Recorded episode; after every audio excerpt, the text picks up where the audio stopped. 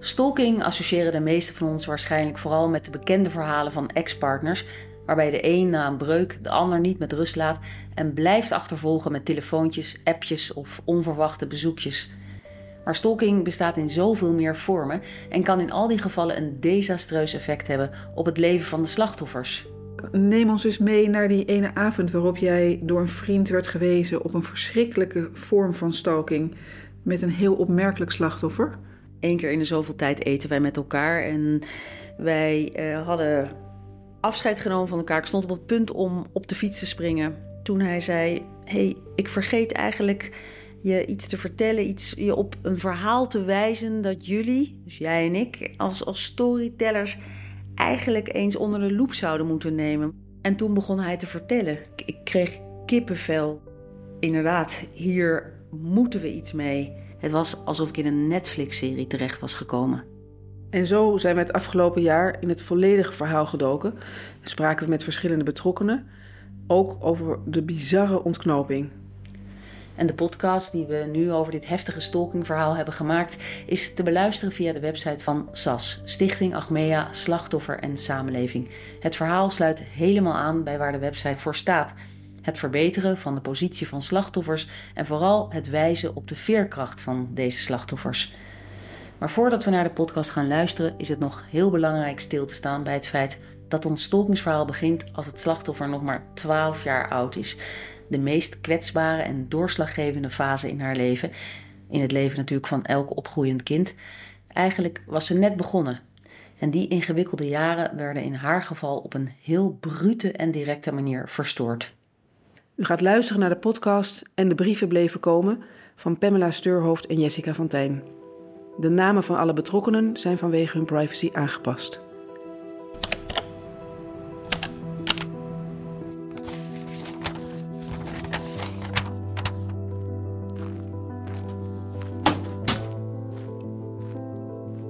De eerste heb ik zelf gevonden. Het kwam gewoon met de post, dus uh, het, is, het is getypt en dan op een kaart geplakt of op een um, of gewoon los opgevouwen in, in een envelop. En dan het adres is ook getypt, geprint en opgeplakt. En dan gewoon met de post verstuurd. Aan het woord is Jeannette, inmiddels begin 20 jaar, die ons meeneemt naar het begin van wat een 10 jaar lange leidensweg zou worden. Ik las dat en ik dacht ook, ja, heel erg geschrokken sowieso.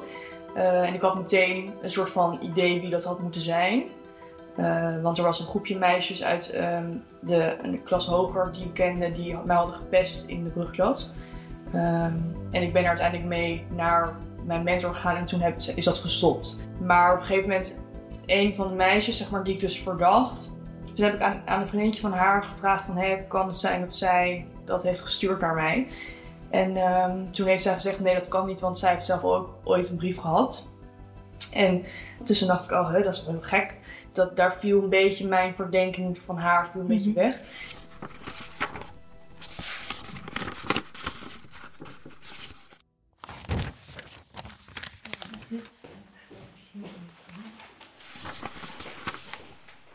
Dit is wel zo. En dan de eerste uh, drie jaar zitten er niet in, hè? Die liggen bij de politie. Nee, die hebben wij gebrand. Ja? Ja, we hebben ook, een, we hebben ook en tussendoor hebben we ook brieven je, soms word je er zo kotsmisselijk van, dan is het gewoon weg ermee. Dus dit is niet alles, maar dit zijn er wel 60 of 70 of zo. Hoeveel zijn er je gekomen uh, in de 10 jaar, denk je? Ja, wij denken iets van 100. En het begon allemaal 10 jaar geleden? Ja, zo ongeveer. We horen de stem van de moeder van Jeannette. Bij haar thuis laat ze de stapels brieven zien die tien jaar lang op de deurmat bleven vallen. We krijgen een stapel brieven te lezen en onze magen draaien na een paar zinnen al om. De teksten zijn zo agressief, zo gemeen en persoonlijk, met zoveel nare en zelfs seksueel getinte woorden. En je dan ook nog te beseffen dat deze brieven gericht waren aan een meisje van nog pas 12 jaar en doorgingen tot ze 13, 14, 15 en uiteindelijk 22 was. Hoe verschrikkelijk en ontregelend moet het zijn om als gezin dit soort brieven met grote regelmaat te moeten ontvangen. Ook voor mijn ouders zeg maar, was die periode heel heftig. Want zij waren op een gegeven moment alleen maar met mij bezig. Want ze wisten niet meer wat ze moesten doen. Ja, ik was een beetje zo'n terrorkind. Uh, om het maar even zo te noemen. Uh, maar ik had natuurlijk gewoon heel veel pijn. Was door dat pesten en door die brieven en Ja. onzekerheid. Ja. En eh, zo ben ik blijven zitten in 3 HAVO. eh, na die moeilijke periode, zeg maar. En eh, toen moest ik dus 3 HAVO opnieuw doen. En toen die weken, ik werd heel depressief na eh, de zomervakantie. Ik mocht namelijk nergens meer heen van mijn ouders. Dus ik ging naar school en dan ging ik weer naar huis. De ouders van Jeannette zien al een tijd hoe het gedrag van hun dochter steeds ergere vormen aanneemt. Uitgaan, verkeerde keuzes maken, drank en drugsmisbruik. Het drijft ze tot wanhoop. Het is het moment dat zij echt niet meer weten hoe zij hun dochter zelf op de rails kunnen krijgen. Bang zijn ze voor het welzijn van hun dochter en voor dat van hun gezin. Ze horen over een plek in de Ardennen waar een intensief programma voor jongeren met gedragsproblemen wordt afgewerkt. Het wordt aangekondigd als een plek voor als niets meer werkt. En dat is tamelijk de spijker op zijn kop. Toen dus naar de Ardennen, daar heb ik dus tien weken gezeten.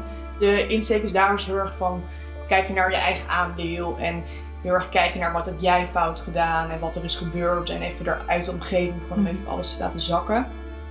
Ehm, en toen heb ik dus na die vijf weken Ardennen mocht je dus geen contact met je ouders en dan was je één dag een soort van verbindingsdag en dan zag je je ouders weer en dan ging je alles opbiechten, een soort van nieuwe start, schone. En ehm, toen heeft mama die brieven die ze nog had bewaard, gegeven aan mijn begeleidster. En die mocht ik na die dag, eh, heb ik die dus gelezen. Ehm, en dat waren er, ja, ik, ik weet niet, want ik denk dat mama een paar had weggooid, maar ik denk een stuk of 15 ongeveer. Ehm, maar ik wist dus niet dat ze er nog waren. Dus voor mij was dat echt een soort keerpunt ook, dat ik dat las en dat ik dacht van jeetje, zeg maar, ik had een hele slechte reputatie. Iedereen wist ook wie ik was, wat ik deed. Maar in die brieven werd dat zo verwoord op een bepaalde manier dat ik echt dacht, wow, denken mensen echt zo over, zeg maar, is dit hoe mensen mij zien? Dat, dat vind ik echt vreselijk, want dat ben ik gewoon niet. Dus toen kwam heel erg die, dat, dat keerpunt voor mij dat ik echt ehm, in mijn gedrag echt wilde bewijzen aan iedereen dat, het, dat ik Niet dus zo. niet zo was. Dus mijn leven heeft heel lang in teken gestaan van bewijzen dat ik dus niet ben wat in die brief staat. Ehm, dus ik heb de Ardennen uiteindelijk afgemaakt. Maar toen ik terugkwam, werd het eigenlijk alleen maar erger. Dus er kwamen alleen maar meer brieven. Ehm, En, wa- en wat was dan die strekking van die brieven? nou, eigenlijk gewoon heel beledigend. Dus je bent echt een hoer. Wie denk je wel niet dat je bent? Je bent echt lelijk. Iedereen dit. Je neukt met iedereen. Ehm, dus heel erg op mijn gedrag en mijn uiterlijk. En later, ehm, door de jaren heen, is het ook heel erg naar papa en mama. Dus naar hoe mama eruit ziet en mijn vader en eh, wat zij doen. En ehm, ja, heel erg dingen uitpluizen. Dus mijn, mijn ehm, eindexamen uitreiking, wat we dan aan hadden. Dingen over mijn vriendjes, hoe die er dan uitzagen. En eh, heel erg seksueel getint ook. Ehm, en ik heb dus heel erg lang, heel erg beperkt geleefd. Want ik vertrouwde natuurlijk niemand. Nee. Want het kon overal vandaan komen. Dus als mensen gewoon met mij wilden praten, dan dacht ik echt, waarom praat je met mij? Zeg maar, dus iedereen was gewoon verdachte.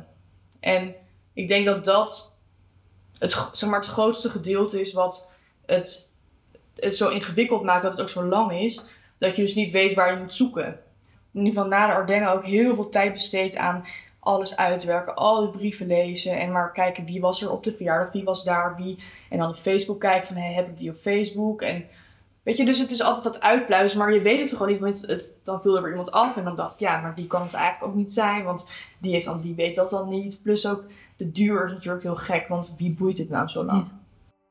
Wat het nog ingewikkelder maakte was het feit dat uitgerekend in de Ardennen de behandelende therapeuten met een behoorlijk duidelijke vinger in de richting van het zusje van Jeannette was gaan wijzen als mogelijke dader. Zij zou in de ogen van deze therapeuten genoeg reden hebben gehad om de brieven te schrijven. Over het ontregelende van deze beschuldiging, die later volledig zal worden ontzenuwd, spreken we met Jeannette's zus, die terugkijkt op deze verschrikkelijke tijd en invoelbare spanningen binnen het gezin. Ik vraag haar wat ze dacht toen ze voor het eerst van die beschuldigingen hoorde. Ja, what the fuck? Nee, natuurlijk heb ik dat niet gedaan. Maar ja, ze zeiden daarvan, ja, vaak is het een broer of zus die dit soort dingen doet. Heeft dat, heeft dat iets met jou gedaan? Het feit dat ze dachten dat jij het was? Ehm, ik vond dat in het begin wel moeilijk en dat heb ik later ook tegen mama gezegd. Van ja, ik vond dat wel lastig dat, dat er opeens naar mij gewezen werd terwijl ik eigenlijk van niks. Nou ja, niet van niks, maar van bijna niks wist. En het was ook niet heel erg beschuldigend of zo, maar we hadden toen een familiegesprek. zat daar in de Ardennen. Toen hadden wij een familiegesprek met iemand die hier kwam. Maar ik denk dat de voornaamste reden was om mij te vragen of ik dat gedaan had.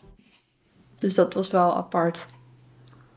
Ja, het is niet leuk als er dan naar jou gewezen wordt, maar ik had ook gelijk zoiets, ja, ik was het niet, dus...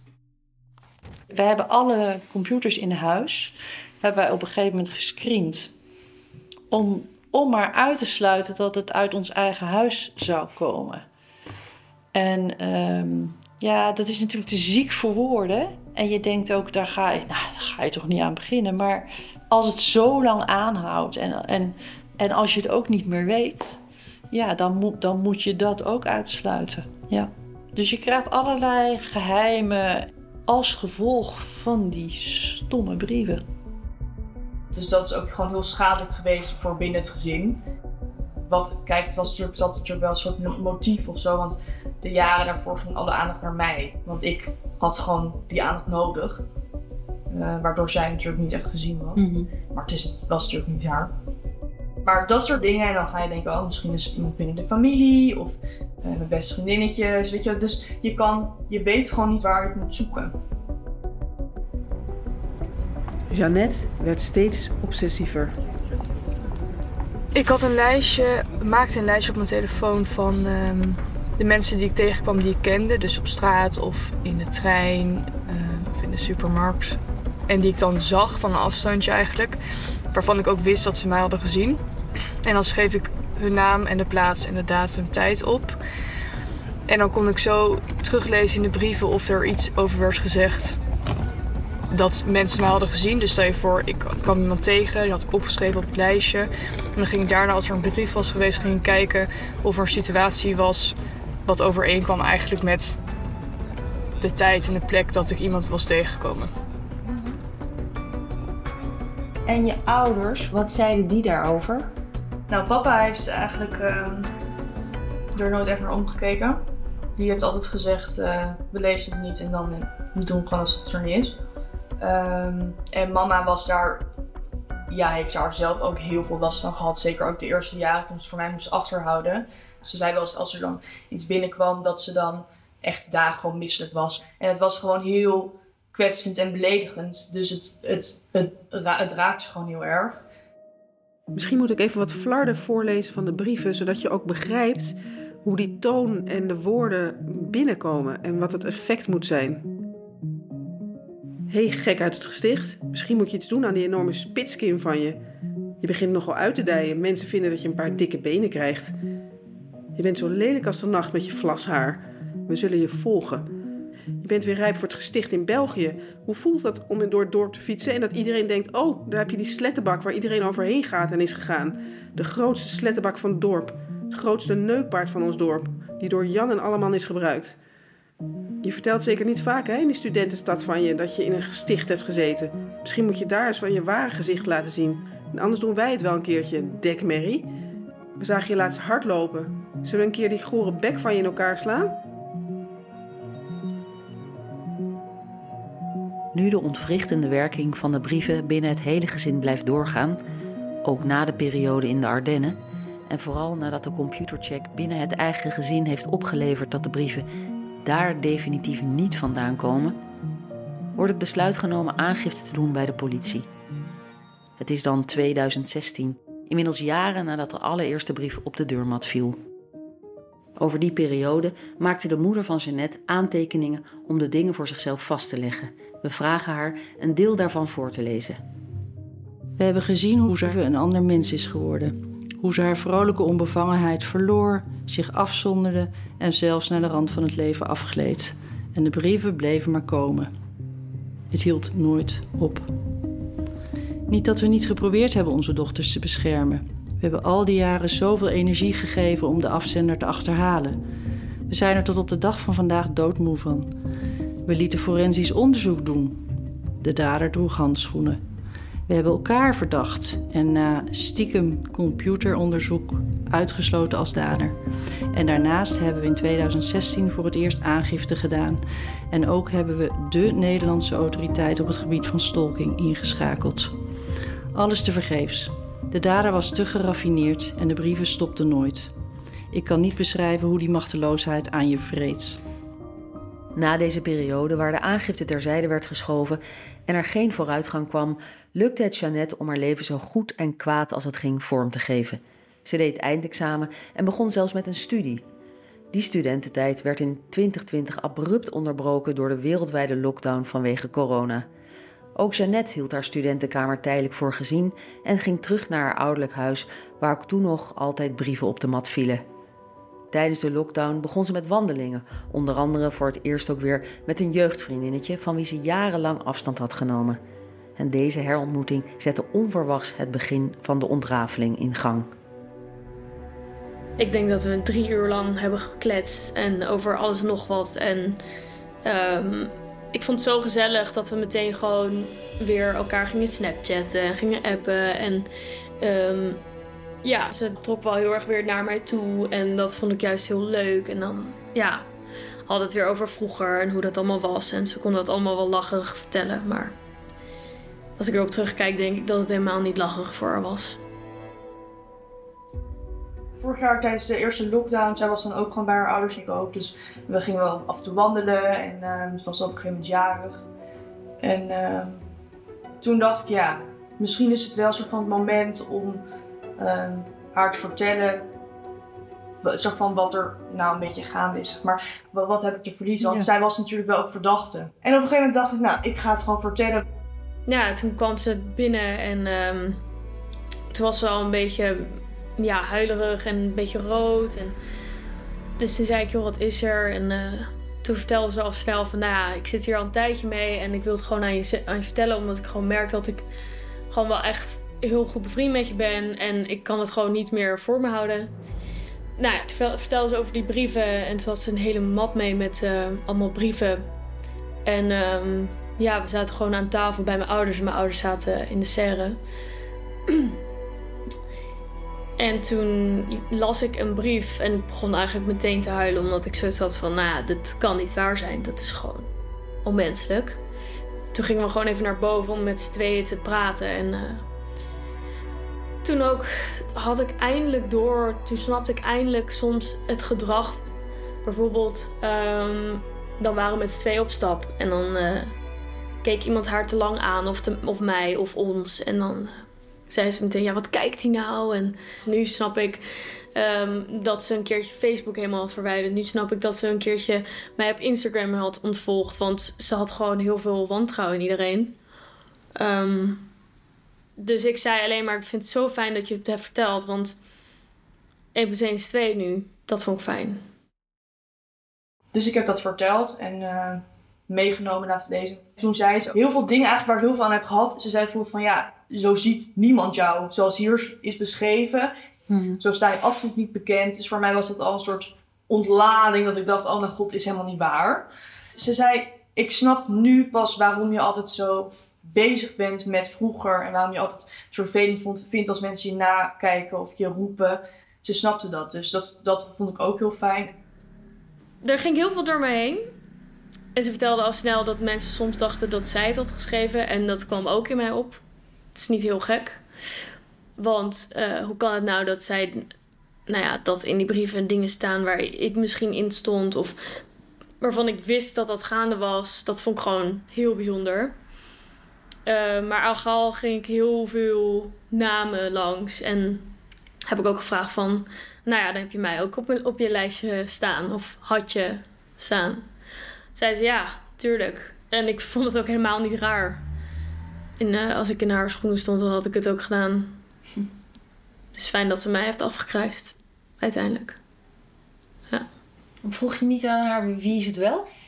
Ja, maar ze had geen idee.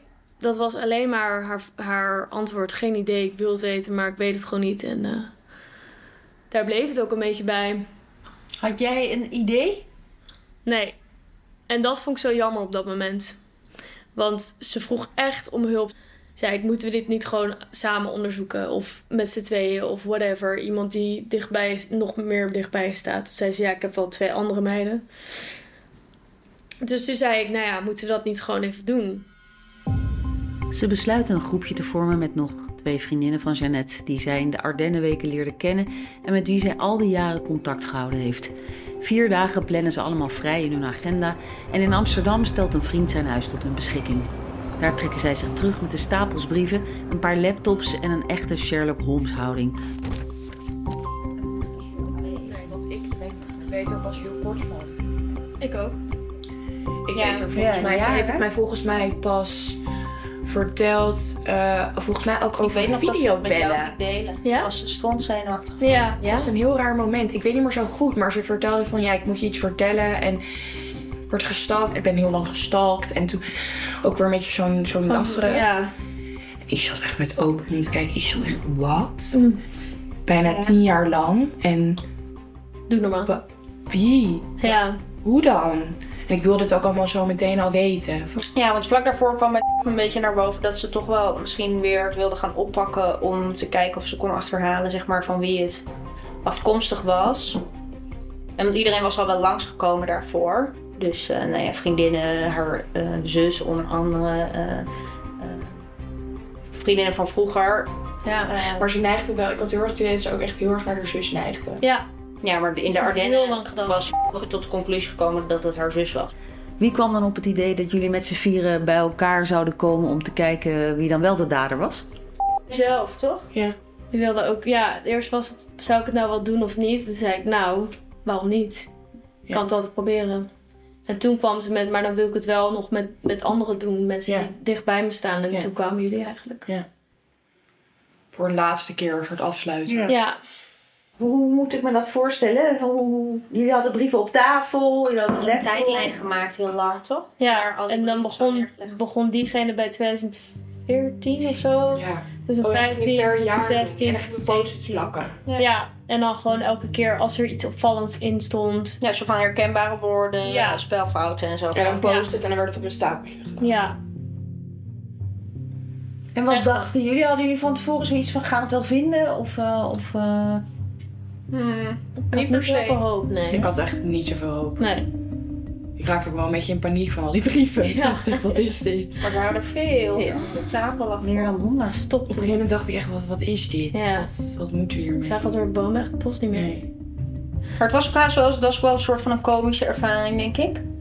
Omdat het gewoon haast alsof we een soort puzzel aan het oplossen waren, zeg maar. Ja. Ja, dat was het. Ja, want ik was heel erg bezig met het motief. Ja. Waarom Ja. doe je dit? Ja. Wat zit daarachter? Ik Daar vond dat lezen van die brieven wel best wel zwaar. ik ook. Ook met Jeannette kijken we terug naar de dagen waarop ze met haar vriendinnen hun Sherlock Holmes werk uitvoerde. Ik heb alle, alle, brieven meegenomen, dus ook alles wat ik nog niet had geopend. Ehm, en toen zijn we maar gewoon alles gaan lezen. En heeft iedereen bij elke brief opgeschreven wat opviel. Dus heel veel dezelfde woorden komen terug. Ik word altijd bijvoorbeeld, de openingszin is altijd heel gek uit het gesticht. Ehm, er wordt altijd afgesloten met bepaalde namen. Ehm, heel veel woorden, pa en ma komen bijvoorbeeld heel erg terug. En ouderwetse spelling, dus productief met een K. Een beetje echt ouderwetse ding. Ehm, maar veel dezelfde woorden en termen en manier van schrijven. Dus de interpunctie is heel debiel. Als je mij vraagt, heel veel punten en heel veel uitroeptekens. En gewoon ook ouderwetse woorden. Dus er kwam bijvoorbeeld op een gegeven moment in catweasel. En wij dachten echt, wat fuck is dat?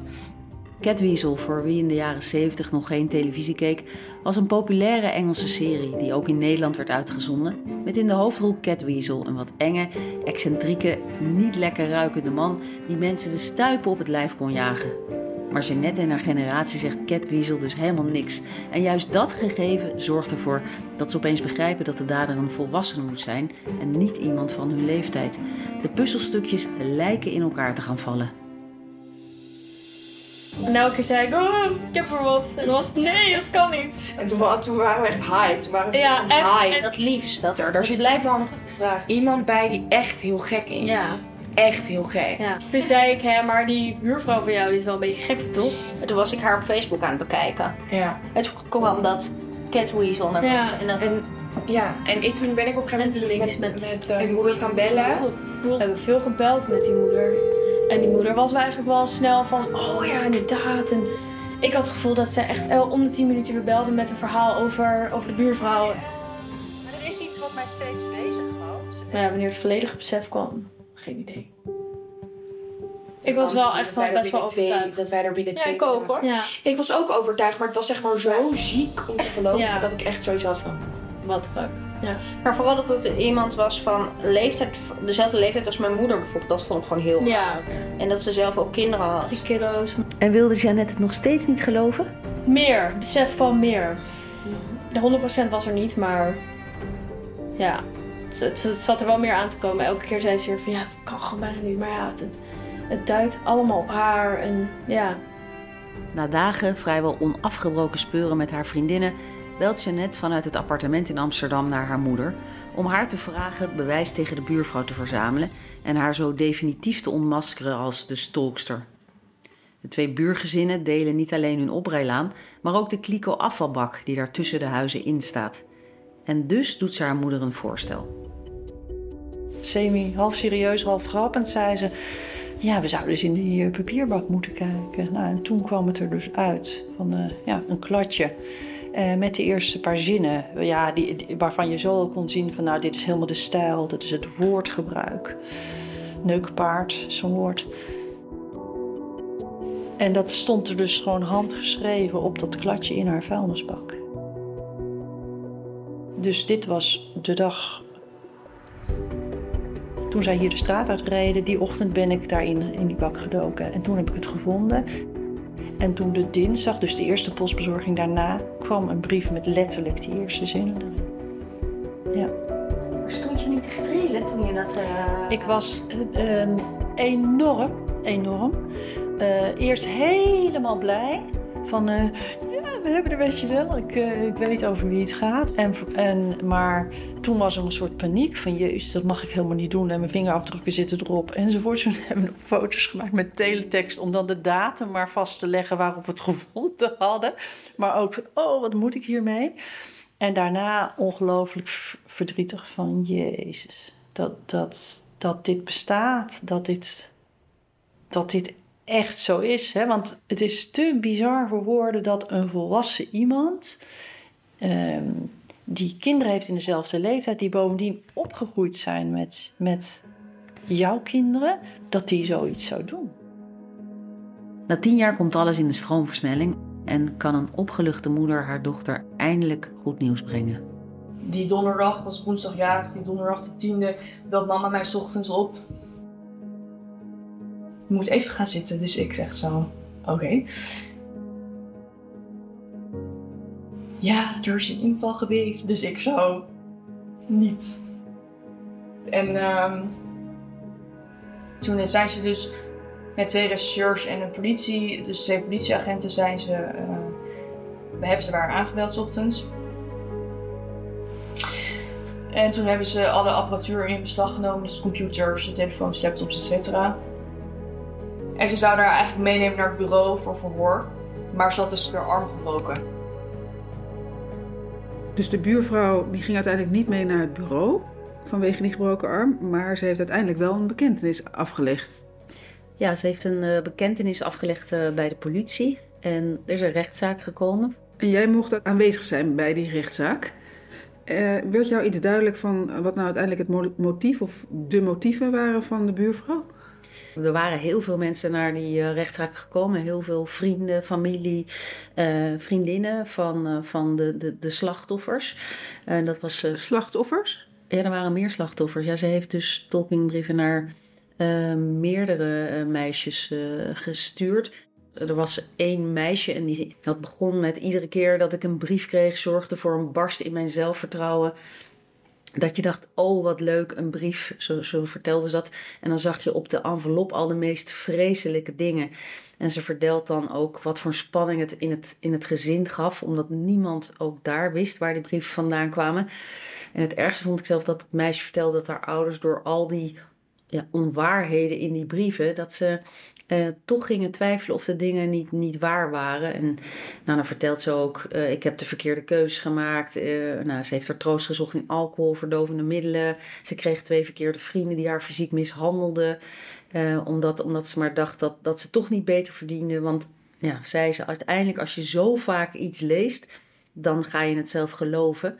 En toen voelde je de zaal ook echt wel ja, stilvallen. En wat, wat ook opviel was dat de officier van justitie die zei dat, ze, dat dit ja, eigenlijk een unieke stalkingzaak in Nederland was. Dat ze het ook, ze kon het nergens aan toetsen. Dus eigenlijk zijn die verhalen ook heel vergelijkbaar. Die dingen die je nu zegt, dat zijn eigenlijk voor een deel ook dingen die in het gezin van Jeannette heel erg speelden. Het, feit uh, wat jij noemt dat je eigen familie eigenlijk toch ergens gaat twijfelen. Is er dan niet waar rook is ook vuur? En moet ik dan toch mijn eigen kind uh, met andere ogen gaan, uh, gaan bekijken? Um, waren dat even lange stalkingszaken? evenveel brieven? Nee, dat waren niet evenveel brieven. Dat waren er zo rond de 30. En bij Jeannette spreken van over de 100 brieven. Maar ze waren wel net zo heftig en net zo kwetsend. En ja, zij was ook uh, 14 jaar. En nou, in, in de groei en bloei van je leven. En dan word je zo telkens naar beneden gehaald. En de buurvrouw, dus de dader, uh, die is ook onderzocht in de aanloop naar die rechtszaak. Uh, wat is daar uitgekomen? Want daar kan je, neem ik aan, ook iets van motieven uh, aan afleiden, toch? Ja, er werd gevraagd uh, door, door de rechter waarom ze dit nou heeft gedaan. Dat kwam niet helemaal uh, eruit. Uh, ze was boos. Um, eigenlijk zei ze zelf van ja, ik ben jaloers. Um, en de rechter vroeg van waarom bent u jaloers? Want u heeft zelf een prachtig gezin. En daar kon ze niet zo goed um, antwoord op geven. En ze zei ook ja, ik ben onder behandeling bij de bij de psycholoog hè, om te kijken waar het van, vandaan komt. Um, ja, door de psycholoog is borderline en ODD gediagnosticeerd. Maar ODD is iets dat eigenlijk normaal alleen bij kinderen wordt vastgesteld. En in principe is dat niet iets voor volwassenen. Nee, oppositional defiant disorder, dat noemen wij in het Nederlands oppositioneel opstandig gedrag. Dat komt inderdaad vooral bij kinderen voor. En dat is een periode die ook eigenlijk helemaal niet erg is als het bij kinderen is. Want dat hoort nou eenmaal bij leren omgaan met gezag. Ze zei ook op een gegeven moment, ja, ik denk uh, dat ik, dat ik een, een heel laag uh, zelfbeeld um, heb. En wat is uiteindelijk de uitspraak geweest van de rechtszaak? De buurvrouw heeft een, uh, uiteindelijk een taakstraf van 120 uur gekregen. Voorwaardelijke gevangenisstraf van zes maanden. Een contactverbod en een schadevergoeding die ze aan de slachtoffers moet betalen. En de familie van uh, Jeannette had natuurlijk, en Jeannette ook, hadden natuurlijk gevraagd om verhuizing. Maar dat kan niet in de, in de Nederlandse wet. Um, mevrouw, de buurvrouw, heeft geen strafblad, heeft een, heeft een baan. En ja, je kan niet uh, mensen dwingen tot een, uh, tot een verhuizing. Het feit is dat ze nog steeds naast elkaar uh, wonen. er zijn alleen maar verliezers natuurlijk in, in, in deze zaak. En nou ja, Jeannette die, is haar leven aan het, aan het oppakken. En dit zal nog, ja, dit is een litteken voor, voor, voor alle meisjes die deze brieven hebben ontvangen. Een heel groot litteken. Uiteraard ook bij de moeder van Jeannette. Als je zelf nu terugkijkt op die periode, had je dan dingen anders gedaan? Oh ja. Ja, ik had het iedereen moeten vertellen. Ja. Wij hebben ervoor gekozen om het heel klein, stil en bij ons in huis te houden. En dat heeft allerlei eigenlijk nare effecten gehad. Dus allerlei geheimen krijg je daardoor. Dat is gewoon niet goed. We hadden het van de daken moeten schreeuwen. Wij krijgen brieven, wie weet hiervan. En dan was het misschien wel daarnaast ook terechtgekomen, was het gestopt. Ik denk wel dat dat beter was geweest. Niet bij je houden. Ook meteen aangifte doen bij de eerste brief. En dan zegt de politie waarschijnlijk, want dat is ook wel de ervaring, die zijn best wel afhoudend. Mm. Uh, die zegt dan misschien van, joh, het is maar één brief, daar doen we niks op. Sta erop dat die aangifte opgenomen wordt. Sta erop. Ja. En wat is denk je de reden geweest dat jullie de voorkeur gaven om het stil te houden? Uh, schaamte en onmacht.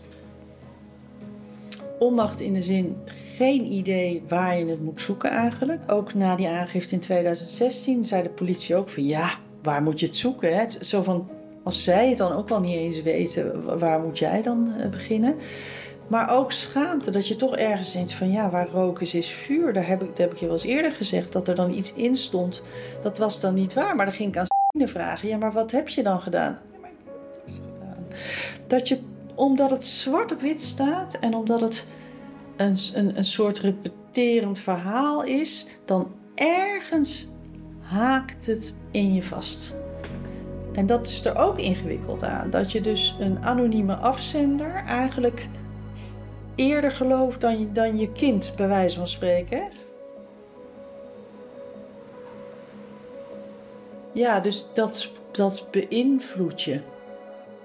Waarom vind je het als moeder belangrijk dat dit verhaal verteld wordt? Ik zou het wel heel mooi vinden als stalking ehm, serieuzer genomen zou worden. En misschien dat mensen uh, uh, meer gewapend zijn mochten ze ooit zoiets meemaken. En toch ook begrip hebben uh, hè, als ze zoiets in de krant lezen, hoe, hoe veelomvattend het is. Hoeveel impact het heeft. Om de impact die het op Jeannette heeft gehad en nog heeft, nog beter te kunnen begrijpen, hebben wij tot slot aan Jeannette zelf gevraagd om delen van de indrukwekkende speech die zij in de rechtbank hield nogmaals voor te lezen. Om haar zo het laatste woord te geven in deze podcast. Ze blikt nog één keer terug op de verschrikkelijke tien jaar om met een indrukwekkende precisie uit te drukken hoe groot de impact van de brieven die bleven komen op haar leven is. Wanneer ik terugdenk aan vroeger, bekruipt me een gevoel van angst, onzekerheid en schaamte. Lees ik mijn dagboek, dan zie ik het hierin terug. De vermoeidheid van het vechten. Waarom ik? Waarom gebeurt het mij? Wat heb ik gedaan dat iemand mij zo haat? Als ik foto's terugkijk van de afgelopen jaren, zie ik de afwezigheid in mijn ogen. Ik zie de angst, de waakzaamheid en de ongelukkigheid. Onbezorgde tijden heb ik niet gekend als puber en jongvolwassene, omdat de brieven altijd op de voorgrond speelden. Er is iets geknapt door het lezen van de brieven. Het idee dat mensen negatief over mij dachten en mij dus lelijk, dik en een hoer vonden, was ondraaglijk. De kans om te ontdekken wat ik ben, wie ik ben en waar ik voor sta, is mij ontnomen. De jaren van ontwikkeling heb ik niet gehad. Ik heb alleen maar overleefd. Ik kijk met veel pijn en verdriet terug op alle dingen die ik had kunnen doen en alle kansen die ik had kunnen pakken. Alle herinneringen die ik had kunnen maken als de brieven er niet geweest waren. Tijd die ik heb moeten inleveren en nooit meer terug ga krijgen in mijn leven. En toch heeft ze net de kracht om nu, een paar maanden na haar speech in de rechtbank, met gepast optimisme te beseffen waar ze inmiddels staat. Dit, al, dit is wel echt een groot litteken en dat heeft ook nog wel wat heling nodig. Dus ik denk ook dat er nog wel wat aan gebeurd moet worden. Als in, ik wil nog wel het hierover hebben met, uh, met mensen en met iemand professioneel om het wel echt af te sluiten. Zullen wij het ook afsluiten? Dat lijkt me goed.